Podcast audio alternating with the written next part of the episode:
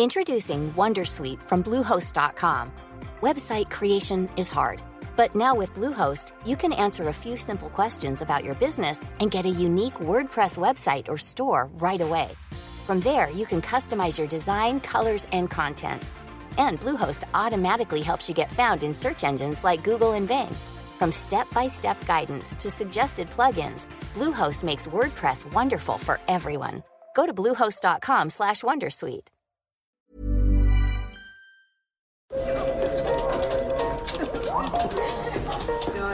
Dette er lyden av norsk næringsliv. Akkurat nå tas det små og store valg som kan bli avgjørende for fremtiden. Med økonomisystemet X-Leger tas disse beslutningene basert på informasjon i sanntid, slik at drømmer og ambisjoner kan bli virkelighet. Få kontroll og oversikt. Gå inn på xledger.no. Denne sendingen er sponset av Xleger.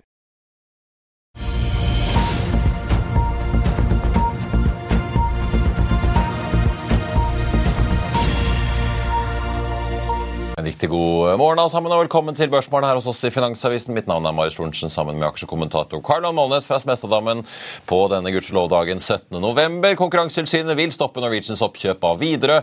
Vi får endelig inflasjonstall fra eurosonen i dag. Exxon Mobil er i gang med å utvinne litium fra Arkansas. Hafnia melder om et rekordutbytte, og vi har flere kvartalsrapporter på nyhetsfronten i dag. Aurora ute med tall. Stadtorsk kommer også med sine. Og til å runde av dagen og snakke om alt som rører seg i markedet, så har vi fått besøk av forvalter og investor Jan Petter Schissner, som var med oss eh, straks. Hovedveksten på Oslo Børs forventet å starte flatt av DNB Markets i dag. Nordnett venter en svak eh, nedgang fra nå klokken ni. Hovedveksten endte jo ned hele 1,8 i går, med alle de tre store oljeaksjene, Aker BP, Vår Energi og Equinor, ned rundt 3 alle sammen, på et kraftig fall i oljeprisen.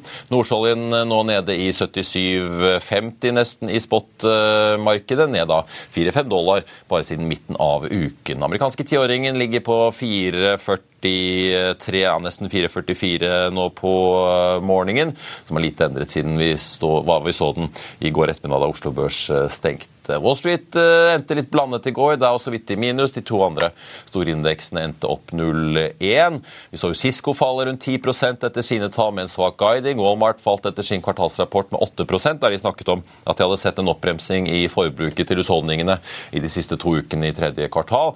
Amazon skal begynne å selge biler eh, for Hundai fra neste år.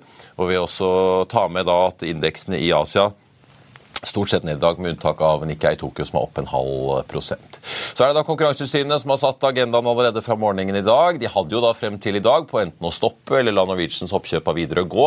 Og de sier stopp, i hvert fall inntil eh, videre. De varslet jo den 15.9 at de ikke kunne gi grønt lys og måtte se nærmere på oppkjøpet. Konkurransedirektør Tina Søreide sier i en melding nå på morgenen at oppkjøpet sitat, fører mellom annet til at vi går fra tre til to aktører på flere ruter innenriks. Vi ser at det er reell risiko for at konkurransen i markedet kan kan bli svekket på en måte som fører til høyere billettpriser og dårligere rutetilbud for norske flypassasjerer. Og mens Norwegian mener at det er relativt lite overlapp mellom de to aktørene i rutenettet, så trekker Konkurransetilsynet frem både direkterutene mellom Bergen og Stavanger og Bergen og Trondheim, og i tillegg at det er flere indirekte ruter som påvirkes rundt i Norge, siden de to konkurrerer om å tilby flyvninger da, med flybytte i enten Oslo eller Bergen. Et siste aspekt ifølge tilsynet er at det er fare for dyrere bakketjenester for konkurrerende selskap på flyplassene Evenes, Alta og Kirkenes. Her skal Norwegian ha forsøkt å komme tilsynet i møte, kommer det frem i meldingen fra tilsynet i morgentimene. Men Norwegian og Widerøe har ikke ikke gått noe utover eh, bakketjenestene i eh, de tiltakene, avbøtende tiltakene som de har lagt på bordet, i hvert fall inntil videre. Og nå har Norwegian og Widerøe frem til 8.12. på å svare. Et endelig vedtak fra tilsynet må komme innen 3.1. Konsernsjef Geir Karlsen i Norwegian er ute i en børsmelding eh, nå på morgenen og sier at han er overrasket over nyheten, men at eh, Norwegian også er optimistiske for at de skal klare å snu tilsynets foreløpige konklusjon da frem mot det endelige vedtaket. God morgen, eh, Karl Johan. Skal vi også ta litt produkttanketall på morgenen før vi tar med Sissener her? Hafnia er ute med kvartalsrapporten sin. Ja, det er ganske bemerkelsesverdig. Tallene er jo helt in line, da, 3 over konsensus og 0,203 dollar i utbytte rekordhøyt utbytte. Men det, det, det som er spesielt, er at estimatene til selskapet for EPS har beveget seg sidelengs i snart ett år, både for 2023 og 2024. Altså Du ligger på 1,53 for i år og 1,57 dollar neste år. Ti kjøp. Eh, ti kjøpsanbefalinger, ingen holdanbefalinger. Kursen ligger på 70. Gjennomsnittlig kursmål er 92. Eh, så du får jo ingen oppgraderinger på anbefalinger, men du får kanskje noen få som oppgraderer eh, kursmålene sine. Men det, blir, det, det, det, er veldig lite som pusher denne lenger opp. Da. Og Hvis du ser på hva som har skjedd da, Dette er jo tradisjonelt en næring der at du frakter bensin fra Europa til USA, og du frakter diesel tilbake. Og, og du frakter også produkter opp og ned langs kystene til Syd-Amerika og til, til til Afrika på sånn eh, short range. Men det som, det som, har kommet nå, er jo det segmentet som har lagt nede i snart 20 år, det er jo long range. da. Som Takket være Russlands invasjon av Ukraina. Ja, ikke sant? Ja. Og, Det betyr jo da at oljen som eh, før, olje og oljeprodukter som før gikk til Vest-Europa, nå, nå, går jo oljetankeren ut, og så de, blir de omlasta, så blir de kjørt til India. Så kommer tilbake en produkter. Da. Det er jo det Hafnia har tjent på. Men stabiliteten er veldig overraskende. Eh, og eh, kriger varer jo ikke evig. Eh, på et eller annet tidspunkt tar jo dette slutt, så det er jo den neste store bevegelsen her.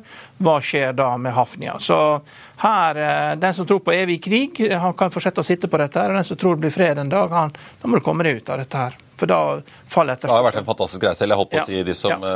uh, tror på evig opptur i shipping, de uh, ja, det må kanskje trå med igjen, for det finnes jo aldri. Som vi snakket om med LPG her i ja. går. Men det har jo tydeligvis vært uh, helt fantastiske tider for Hafna-aksjonærene, i hvert fall den seneste tiden. da. Jeg tenkte bare å nevne på eh, start at hovedindeksen starter så vidt opp 0,1% Hafnia starter opp drøye prosenten. Norwegian faller litt over 3% fra start da, på nyheten om at de ikke får eh, kjøpe videre. I hvert fall inntil videre. Himalaya Shipping, som også kom med tall i går, var det vel, opp 1,8 fra eh, start. Alibaba-aksjen falt 10 eh, i Hongkong i natt og i morgentimene. Den kinesiske handelsgiganten la frem svakere kvartalstall enn det som var ventet, og annonserte også at de utsetter børsnoteringen av sin skytjeneste. Selskapet skylder på restriksjoner på amerikansk halvledereksport. Vi er tilbake med Jan Petter Schisen rett etter dette. Vil du bli oppdatert på det viktigste som har skjedd innen finans og næringsliv? Da er det bare å følge med, for hver morgen er jeg, Marius Lorentzen og aksjekommentator Karl Johan Malnes på plass i studio for å ta tempen på dagens marked i Børsmorgen. Og hver ettermiddag oppsummerer vi alt du trenger å vite i økonominyhetene, og det blir selvfølgelig masse interessante gjester. Klikk deg inn på fa.no-tv, eller søk opp Børsmorgen og Økonominyhetene der du hører på podkast.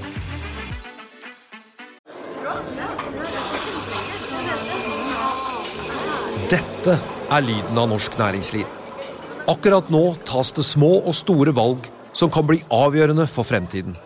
Med økonomisystemet X-Leger tas disse beslutningene basert på informasjon i samtid, slik at drømmer og ambisjoner kan bli virkelighet. Få kontroll og oversikt, gå inn på xledger.no. Denne episoden er sponset av van Brun, en fremtredende smykkeforhandler kjent for sitt brede utvalg av forlovelsesringer, gifteringer og diamantsmykker som bæres og elskes i generasjoner. Et frieri er en av de største øyeblikkene i livet, hvor forlovelsesringen er et tidløst symbol på kjærligheten. Valg av ring krever omtanke for både hvilket metall og diamant, med et bredt spekter av både naturlige og labdyrkede diamanter, og metaller som platina, gult gull, hvitt gull og roségull, hjelper de deg med å sette et personlig preg på din kjærlighetshistorie. Van Brun vil gjerne invitere deg til å prøve på tre av dine favorittringer fra nettsiden helt kostnadsfritt. Du kan også låne et bredt spekter av frieriringer, slik at du og din forlovede kan velge en ring sammen etter det store ja. Van Brun tilbyr 90 dagers åpent kjøp og 90 dagers gratis størrelsesjustering. Utforsk deres eksklusive sortiment i luksuriøse omgivelser. Bok en konsultasjon sammen med en diamantekspert i deres showroom i Oslo. Eller online på vanbrun.com. V-a-n-b-r-u-u-n.com.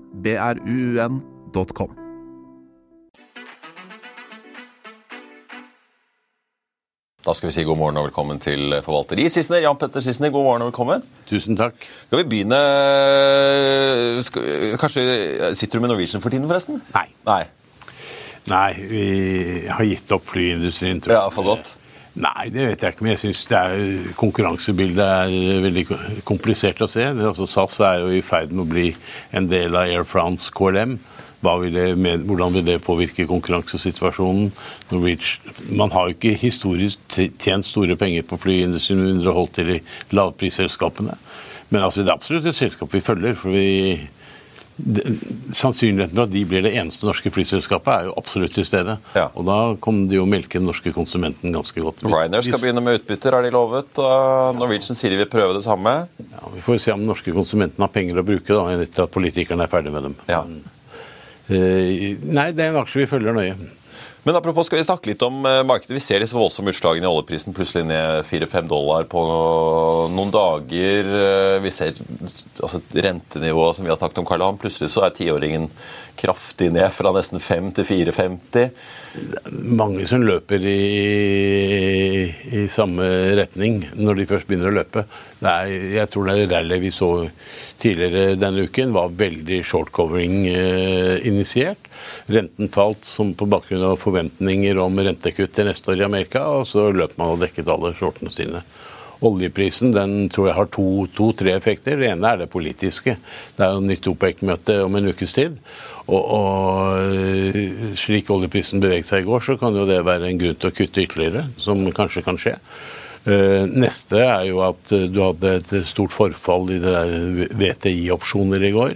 Og siste er at uh, ryktene sier da at det var noen sånne CTA, eller Commodity Trading Advisors, som, som likviderte store posisjoner. Jeg tror, vi tror jo at olje er et virkelig flott sted å være. Altså, Ja, for Det var ikke noen betalnyheter i oljemarkedet så vidt jeg har sett, som kunne drive det prisfallet. Så da er det vel fort at kanskje noen selger teknisk fordi du begynner å snuse på 80 dollar fatet blank. Ja, Jeg vet ikke. Og så glemmer man kanskje at det er fremdeles ganske betydelig krig i Midtøsten. og det er i hvert fall Alle hyler på fred, men jeg tror ikke du får fred før Hamas er borte. Nei. Det Men, du, tror jeg. men det, dere, har, ja, for dere har ikke noe nervøsitet for at all oljeeksponeringen deres kan uh, dra ned fondet? da? Dere sitter jo, Du har vært ute og sagt at du syns vår energi er så billig, så her er det bare å kjøpe. Dere sitter jo BP, Shell og Total er vel noen av de største postene i fondet nå? Det er, de tre, det er tre av de fem største. Eh, Vi har, eh, Mot det da, så har vi en sånn puttspredd Det blir kanskje litt komplisert da, på eh, oljeindeksen. Ja. Så Vi er hedget for en eh, 18% av fondet, og ren olje er kanskje 3-24. Så det, vi henger med. Vi har ikke hengt med den oppgangen som var i denne begynnelsen av denne uken, men vi skal, var heller ikke med ned i går. da, så... Men du mister ikke troen på den sektoren, øh, selv om vi nå har hatt en ganske god periode med gode priser da, etter pandemien? Nei, jeg gjør ikke det. Jeg syns markedet er veldig vanskelig. Det er veldig uforutsigbart. Veldig mange Uh, usikkerhetsmomenter. Og det å sitte i høykvalitetsselskaper som spruter penger og har en yield på 11-12% jeg ser ingen problem med det. Og fortsatt ganske god gasspris relativt sett i Europa. da, 45 euro ligger vel på nå omtrent. Ja, Så sier jo alle at det skal bli en mild vinter i år òg. Det er ikke sikkert. Eh, Jeg kommer fra Genéve i går, og da var det bikkjekaldt. Og det er jo ikke akkurat varmt til å være november her heller. så... Og vi tærer jo fort på lagrene, eller Europeerne nede på kontinentet tærer fort på lagrene sine hvis det blir kaldt. Det gjør de. Ja. Og da kan vi, og blir det mer uro, da, så går jo gassprisene til himmels. Det er jo ikke diskontert i det hele tatt. Det er Ikke engang opsjon på at det kan gå til himmels. Så du, du sitter veldig godt i disse selskapene. Ja. Altså, du, du, hvis du, har, du må ikke være så giret at du må selge hvis den går ned 10% men eh, vi sitter helt i ro og koser oss. Jeg tenkte En aksje som jeg synes det er interessant dere sitter med, som er ganske stor post om dagen, Europris. Eh, Vi så tallene fra Walmart i går, hvor det åpenbart bekymringen for eh, forbrukernes eh, vilje og evne og mulighet til å bruke penger senket jo den aksjen ganske betydelig. Eldal i Europris har vært ganske åpen på at kundene er kresne om dagen. De går og titter i kataloger om det er noe tilbud. og Ja, men det, det sier seg jo selv. Eh, Det er jo bare politikeren som tror at den norske forbrukeren har det veldig bra. Eh, Så de, og kanskje Norges Bank, da. Men eh, jeg tror vi har vel sett at det du kan kalle billigbutikker og superluksus, det er det som gjør det bra. De som ikke gjør det bra, er de der som er, befinner seg i dødens dal. Ja. À la Hennes og Maurits f.eks., som er for dyrt til å være billig og for lite fasjonabelt til å få de store prisene. Så eh, Europris har levert og leverer. og får vi se, Det er en spennende trigger der nå i det kortsiktige bildet. Det er dette overskuddsbolaget, hvor det er en spørsmål om de har en opsjon og på hvilken pris, og det blir vel avgjort nå i løpet av kort tid. Og Vinner de frem med den, så tror jeg det er veldig spennende og burde gi Europris en ytterligere løft. Men en litt sånn kjerringa mot strømmen-satsing, gitt at management i Europris er gode, da? Ja, men altså, Det er aldri feil å ha aksjer i selskaper med godt management. Eh, Det som er morsomt i Europris, er at vi kjøpte vår opprinnelsen, opprinnelsen av vår post, det var da Folketrygdfondet solgte seg ut på 20 kroner og 15 øre. Eh, Da tok vi sammen med noen venner hele den posten, og og vi har sittet siden og til og med kjøpt mer. Folketrygdfondet har jo kjøpt tilbake aksjene sine, da, men eh, hva som skjedde der, det vet jeg ikke. Nei. Eh, Så vi har jo en fantastisk lav kostpris og inngangspris der. Så vi, vi, det er ikke det at vi har kjøpt den stor, den har vokst seg stor, og vi tror den skal fortsette å vokse. Skal vi snakke litt om, eh, for Dere sitter jo også i Skipsted, eh, for vi har diskutert det mye. Der er det jo ganske mange store ting på gang for Kristin Skogelund. Både Karl Johan forhandlingene med disse amerikanerne Permira og Blackstone om kanskje et Adevinta-kjøp, og Viaplay. Ja, eh, det er jo to separate ting, da, men jeg tror det er, det er mye vanskeligere for private equity-selskapene å regne på selskapene renten er 5% enn en null. Så jeg tror det at de har, eh, de har nok blitt litt overraska over hvor dyrt det er å finansiere dette oppkjøpet. og Da går ikke regnestykkene opp med på det de har tenkt å gjøre. Så det, det er problemet med oppkjøpet der. Ja, vi får se. De har jo vært ute og luftet sin bånd på 4,5 milliard eh, dollar eller euro. Euro var det vel sikkert. Eh, Det er jo slik at i Adevinta så har du 70% willing sellers. eh, Og da finner man som regel en deal. Det skal veldig mye til at man ikke finner en deal. Særlig i og med at praten er at man skal få, få være med videre da, med ca. 10% både eBay og, og Schibsted. Eh, Vi trodde at sannsynligheten var 80, nå tror vi 70.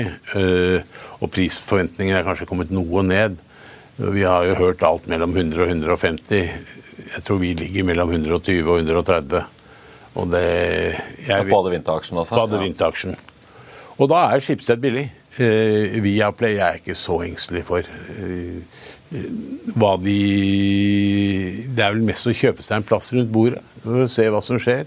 De være med på diskusjonene. Men jeg har ikke noe tro på at Schibsted kommer til å bruke milliarder på dette. De har jo en track record på venture som ikke er helt god. De har brukt veldig mye penger på veldig mye selskaper opp gjennom årene.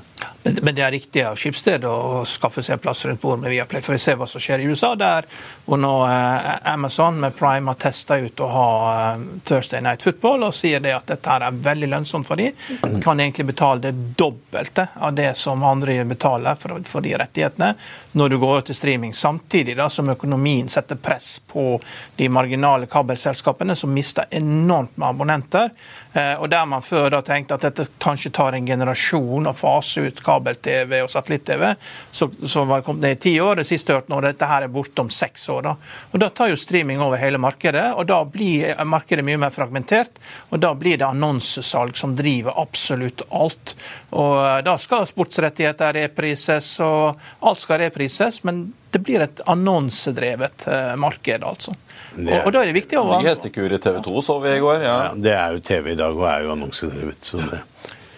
Men eh, Viaplay er vel litt sånn sponsor service repeat, er det ikke det? da? De skulle ut og bruke masse penger og vokse til Erobre verden. Erobre verden. Altså brukte man altfor mye penger og glemte at det er noe som heter inntekter òg. Ja. Og så kom ikke de. De fikk jo ikke nok abonnenter. Men det har jo ikke kommet så klare signaler fra Schibsted hva de egentlig har tenkt å gjøre med denne posten på 10% i Viaplay. da. Har du, føler du som investor at det må de snart komme med, eller? Nei, jeg, jeg, slik jeg ser det, så har de kjøpt seg en plass rundt bordet. 10% er kanskje ikke noen blokkerende plass, men det gjør i hvert fall at de blir lyttet til. Jeg tror de sikrer på den nordiske virksomheten. Uh, og hvordan den kabalen blir lagt til slutt, det vet jeg ikke. men Få delt opp, uh, delt opp. Viaplay-systemet? Ja, eller kanskje ha et samarbeid, men uten uh, Et samarbeid på innkjøpssiden, men ikke på driftssiden, kanskje. Jeg vet ikke hvor. Jeg er ikke tilstrekkelig inne. Dette utgjør altså 300 millioner kroner av et selskap som koster da 50-60 milliarder. Så eh, jeg, jeg er ikke veldig engstelig, for å si det på den måten. Men greit om de får inn Advinta-pengene, da? Om de får solgt uh, disse aksjene? Ja, jeg skulle gjerne sett at det fant sted, men Advinta blir jo ikke noe mer eller mindre verdt. Og jeg blir jo alltid skeptisk jeg, når private equity skal kjøpe, for altså, hva er det de egentlig kan tilby? I, Giring? Ja, giring. Men Det pleier de å gjøre, i hvert fall. det kan jo Skipsted gjøre selv. Spinde og gire det. Så du sier at de er veldig mye flinkere til å drifte enn det Skipsted eh, har vært. Vi får se, da. Mm. Eh, Det pleier å være noe igjen til kjøperen når eh, private equity kjøper. Det er en kompensasjonsbusiness, det er ikke en avkastningsbusiness. vet du, private equity. Oi, oi, oi. oi. Nå er, det så, nå er jeg like før det ringer der fra Jeg skal ikke nevne navnet engang. Men eh, Jan Petter, du har merket meg i siste månedsrapporten deres så skriver dere at dere er litt tilbakeholdne for å se nå hva som skjer eh, i markedet. At, eh, som du var inne på, det er ganske mye usikkerhet. Eh, Når blir det så ille at du bare setter alt i pengemarkedsrenter og tar juleferie? Nei, men Det er jo litt sånn eh, hva du kan si, at vi har eh, obligasjonslignende aksjer og aksjelignende obligasjoner. Eh, Vi har jo ikke fått med oss oppgangen i år. Den har jo vært veldig trang, så vi er vel oppe en 3-4 Men, men eh, vi tror nå at det er riktig å være forsiktig. Så, og det kommer vi til å fortsette å være inntil vi får litt mer klarhet. Vi har jo det er mange usikkerhetsmomenter. Renten er en av dem, men veksten er en annen. Her i Norge, har vi jo, er- Norge er jo nesten uinvesterbart med den regjeringen vi har. Så Europa vokser litt lite. Europa eh, har vel pluss-minus en halv prosent vekst. Så vi er jo mer redd for nedsiden enn oppsiden. Samtidig så skal du ikke undervurdere at renten kan falle igjen til neste år. Eh, Fordi økonomien strupes, og eh, da får du Det vil få effekter også for inflasjonen. Så er det hvis myndighetene bremser sitt forbruk da, her hjemme. Her hjemme så er det jo kronen som er et av hovedproblemene, og myndighetenes forbruk. Og, og eh, du vet, altså, Alle sier ja, men renten må opp, inklusive din sjef. Renten må opp, så vi får opp kronen. Vi har hatt høyere renter enn eh, sammenlignbare land i så lenge jeg kan huske. Og hva har skjedd med kronen? Første gang jeg reiste til Sveits, var i 1969. Da kostet en sveitsfranc 1 krone og 34 øre. Nå koster den 12 kroner. Det Jeg husker det var sånn 4-5 da jeg var yngre. Ja. Ja, ja men, og, og, det, og dette til tross for at norske renter har vært langt over den sveitsiske hele perioden. Eh, veldig langt over. Sveits har jo stort sett hatt negative renter. Så dette er renteparitetsprinsippet. Det har dessverre ikke vist seg å Nå har du troen på sånn som Ola Arsen i Storebrand som mener at her må han begynne å intervenere på en eller annen Jeg tror måte? det gjør det bare mye enklere. Jeg vil si at Sveitserne gjorde det sånn. En, en sveitsfranc koster ikke mer enn en eh, euro 10, eller var det omvendt. Og si at en, en norsk krone koster 10 euro eller mindre. Ja, så eh, agerer de deretter i valutamarkedet. Det tror jeg ville for det første få ned inflasjonen. Og, det, Dansken har jo suksessfullt i sin pegging mot euroen. Hvorfor skulle ikke Norge gjøre det som er en så liten valuta? Og Problemet med å sette opp renten det er at det er ikke noe å kjøpe. Altså Si du sitter på milliarder av kroner i et eller annet svær utenlandsbank. Hva skal du kjøpe for noe i Norge? Det finnes jo ikke statsgjeld å få kjøpt. Det finnes litt investment grade i kroner. De fleste investment grade er jo i dollar eller euro denominert. Så det er ikke noe enkel eh, sak å kjøpe kroner om du skulle ville det. Nei, men Spillet er jo rundt amerikanske statsobligasjoner som bankene må kjøpe for å stille som sikkerhet for lån. og sånn, så Alt dreier seg om dollaren. Og det, det, det, blir pressa opp, ikke sant. Så, eh, det går på bekostning av de andre valutaene. Så, og det, det høye med renter må betales, med dollar må du kjøpe. så... Jeg tror jo da at rentene kommer til å komme ned, og jeg tror du kan trygt kjøpe norske kroner, for noe er nødt til å skje. Vi kan ikke fortsette sånn som vi gjør nå. Men et lyspunkt for eh, neste år eh, i hvert fall, eh, er jo din, de kjære barn, da, Storebrand. Suste vel opp 6% på kvartalsrapporten som kom her for ikke så lenge siden. Jeg så EQT var ute og solgte litt eh, aksjer i Storbrann, men det gjør ikke dere? Ikke en aksje. Eh, Jeg er bare lei meg for at jeg ikke kan kjøpe mer. Jeg. Eh, Altså Storbrann EQT selger fordi det fondet skal legges ned. og Derfor går ikke kursen nå heller, for alle vet at det ligger De må ut, ja. De skal ut på et eller annet tidspunkt. Og så har du Så de ligger jo der som et overheng, da. Men Storbrann vokser i alle bein. Du, banken vokser, forsikringsprisene skal jo opp. Grefsen sier i hvert fall 10 neste år, eh, mener han. Ja, og så er de overkapitalisert, betaler et utbytte hva vi får, og det er fire kroner eller noe sånt. Så 6% utbyttegild, det er helt greit, pluss tilbakekjøp. Altså, skal du virkelig sove godt om natten og få en aksje som kommer til å tikke og gå de neste årene, hvor alt går i riktig retning, så er det Storebrand. Hva er det som redder den hvis vi får en eh, oppbremsing, rentekutt og resesjon? da?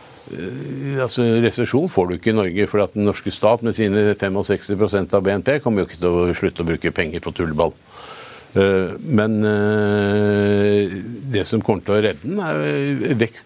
Når du har inflasjon, så øker lønningene dine. Si at eh, du ikke har reallønnsvekst, men du øker i hvert fall med inflasjonen. Hva skjer med pensjonspremiene? De øker også med inflasjonen. De går rett i storbrann. Og, og så videre. Og det betyr at de vokser, hele pensjonsvirksomheten. Får en. KPI-justering på en måte? Ja. Du får KPI-justert pensjonsbiten, du vokser i banken, og du får høyere priser på forsikring. Så jeg er Og så går det vel opp for folk på, av den yngre generasjon da, at det å stole på staten når det gjelder pensjon, det er jo bare tull. Så de må ta ansvar selv. Og da begynner de spareavtaler. Vi har veldig mange med spareavtaler. Jeg er sikker på at Storbrann har enormt, og det samme med DNB. Folk sparer tusenlapp i måneden, 2000 i måneden, kanskje noen sparer mer. Men det blir penger av det over tid. Det er vel kapitalmarkedsdag om ikke så altfor lenge. Er det noe spesielt du ser etter? Nei, Nei. det er det ikke. Stø kurs? Stø kurs. Jeg tror jo at Generelt så tror jeg at neste år kan bli et forsikringsselskapenes år. Forsikring er veldig lavt priset, også skade, internasjonalt. Og, og de nyter jo også altså Grunnen til at de er det, er at du har har inflasjonen, og så har du da etterslepet. ikke sant? Du melder inn en skade, og så trodde du det skulle koste 1000 kroner å reparere den, og så koster det plutselig 1200. Og så glemmer du at ja, det var ødelig av årets profit, men det gir jo desto bedre betalt i årene som kommer. Ja. Gjensidig har kapitalmarkedsdag om ikke så lenge de er, ja, så vi får se. Den har jo kommet ned mye, den nå. Ja. Er det bare et prisspørsmål før dere eventuelt vurderer å gå inn der? Vi hadde en trade. Eh, Det som skremte meg litt eh, med Gjensidige, var at eh, hans var jo veldig brutal og koster mye penger, og også de etterpåfølgende flodbølger. Det rammet det området hvor Gjensidige er mest eksponert. Så derfor tok vi en kjapp profit fra lavt 50-tall til lavt 60-tall. Og kjøpte du, men du en så, effekten, istedenfor. du så effekten på resultatene. Det var administrasjonskostnadene som steg med 3% men skadeutbetalingene var jo helt stabile. Så det, det er jo, eh, her er jo reassurert alt sammen, tydeligvis. Og, Ja. og, natur, og naturforsikrings... Naturforsikringsbolig tar nok en del, og reassuransen tar jo Det er sånn excess of loss, altså utover et visst beløp. Ja. Men eh, det betyr jo også at når du har hittet reassurandørene dine, så er det andre premier som stiger igjen. Ja. For de skal jo ha tilbake pengene sine, akkurat som du skal ha. ja. There's never free lunch, er det ikke det det Det har aldri vært noen fri lunsj. Ja, Petter Sissener, tusen takk skal du ha. God helg. Takk også til deg, Karl Johan. Jeg tenkte bare å ta med på tampen noen analytikeroppdateringer som har kommet siden sist. DNB nedgraderer Salmones Kamachaka fra kjøp til hold og kutter kursmålet med en femmer til 35 kroner. Den endte i går på 32,40. Morgan Stanley har regnet litt på Subsea 7 etter kvartalsrapporten. Oppjusterer kursmålet der med 15 kroner til 170 og aksjen endte da i går på 143,75. ABG gikk opp med en tikroning til 180, og Sparemarken Markets tar den opp 30 kroner, faktisk til 180. BV Offshore, der har Sparebanken Markets også kuttet litt, fra 40 til 30, gjentar sin kjøpsanbefaling. Det samme gjør ABG Sundal Collier, som har samme mål. Aksjen endte i går på 22. Og så er det SalMar, som kom med tall i forrige uke, og mens kursmålene for Lerøy kuttes, så går Sparebanken en motsatt vei. SalMar som jo leverte som vi husker, ganske sterke tall. De oppjusterer kursmål der med en 35 kroner til 6,55. Samme rente i går på 5,76, og der er det en kjøpsanbefaling fra SPN, eh, altså. Hovedveksten på Oslo Børs nå opp 0,2 med en oljepris som har begynt å krype litt oppover, men ligger fortsatt under 78 dollar fatet. Det var børsmålen for denne fredag 17. november. Husk å få med deg Økonominyhetene 13.30. Og så kommer det også et par gode bonusepisoder i podkastfeeden i helgen, inkludert en prat jeg hadde med sjeføkonomen i konsulentselskapet Bain, som var i Oslo denne uken. Har tatt turen fra New York til Oslo og København for å gi råd til norske næringslivstopper. Hva hun sa til dem, får du høre da i helgen. Men nå gjenstår det bare å si takk for følget. Ha en riktig god helg alle sammen. Vi ses.